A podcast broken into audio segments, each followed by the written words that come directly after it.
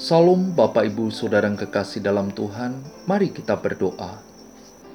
Bapa di dalam surga, tenangkan hati, berikan hikmatmu, kami akan belajar firman-Mu.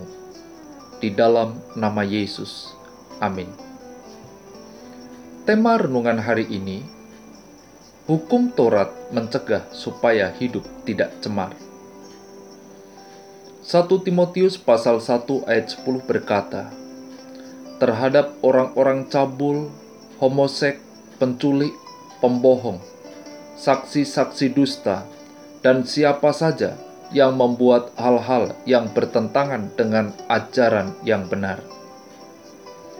Arti kata mencegah adalah menahan agar sesuatu tidak terjadi, menegakkan, tidak menurutkan, merintangi, melarang, mengikhtiarkan supaya jangan terjadi.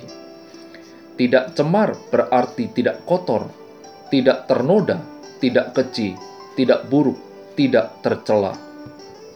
Tentunya harus diingat bahwa hukum dibuat bukan terhadap orang baik, melainkan terhadap orang-orang cabul, homosek, penculik, pembohong, saksi-saksi dusta, dan siapa saja yang membuat hal-hal yang bertentangan dengan ajaran yang benar.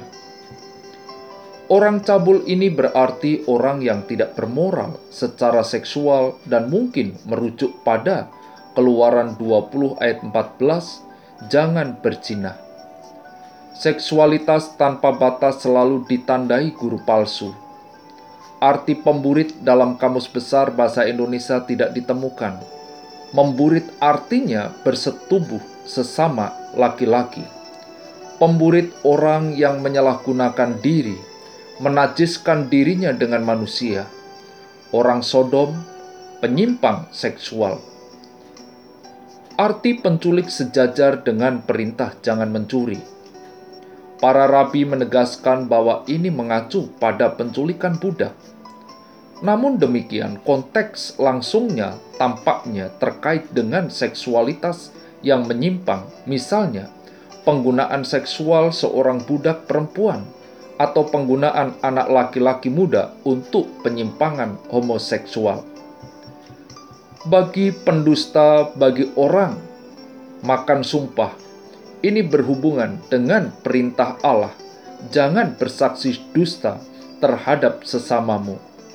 Segala sesuatu yang bertentangan dengan ajaran sehat bagian ini Paulus mengakhiri daftar dosa dan seterusnya segala sesuatu yang bertentangan dengan ajaran sehat. Mari kita berdoa. Bapa di dalam sorga, berikan pengertian dan pemahaman yang benar, sehingga hidup kami mengikuti ajaran sehat. Di dalam nama Yesus. Amin.